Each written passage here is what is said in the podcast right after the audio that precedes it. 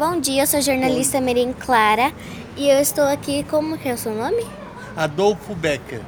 Então, é, você sabe qual que é o maior problema do ônibus? Do transporte. Do transporte coletivo? É muito é muito tumulado a quantidade de pessoas porque eles é muito ralhado a saída do ônibus. Tem que ser mais sequente, né? Nesse horário não, nesse horário tá tudo bem, mas de manhã cedo tinha que ter mais, ou à tarde, mais ônibus.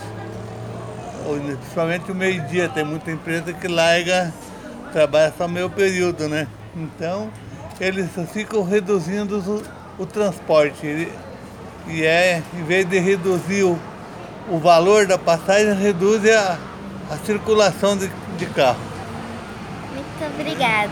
Não é verdade? Tá tudo bem. Um bom dia a vocês e bom trabalho, tá? Também. Obrigado.